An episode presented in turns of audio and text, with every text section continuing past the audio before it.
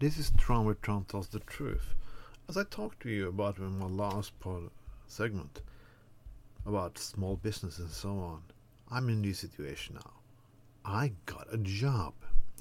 Yeah, I've been lucky twice this month, really. I got a engagement as an actor and a new job as a security, so I don't need take benefits from the state. But getting benefits from the state has been a good way to survive. I'm not a lazy person, welfare queen, and so on.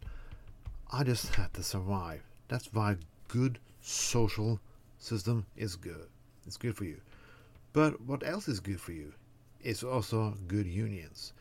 A lot of people think now that unions is not needed anymore because of this crisis, and uh, and now we need to think solidarity, and we have to be, yeah, blah blah blah blah blah blah union is the big enemy. But now is a time we need unions more than ever. Because the people who were rich before this pandemic is getting richer and richer and richer. And they want us to earn less and less and less. They're going to take away all our worker rights. Well, they also got so bad that some Republicans want to do a military coup. And the military coup they tried to do in January they don't want to even investigate. Yeah, that is the situation we are now. We don't only need a progressive movement. We need a progressive unions. We need unions to stand up, strike, and make some trouble. You can say like we're gonna be back for the being creative and like shaking hands and kiss ass as a politician, but that time is over. It's what we need now is one kind of revolution.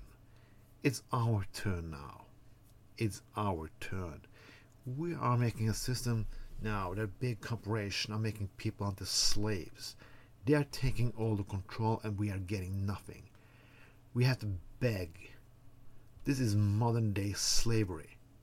And the conservatives on the right are moving for that line. They're taking away voter rights, they are surveilling us, and they're doing all the shit they can.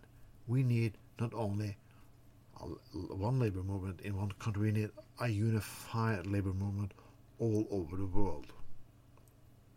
My segment now is short because I have to wake up next morning to go to work. I'm happy with that.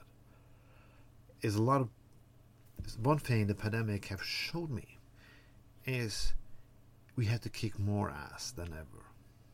This was Tron with Tron tells the truth.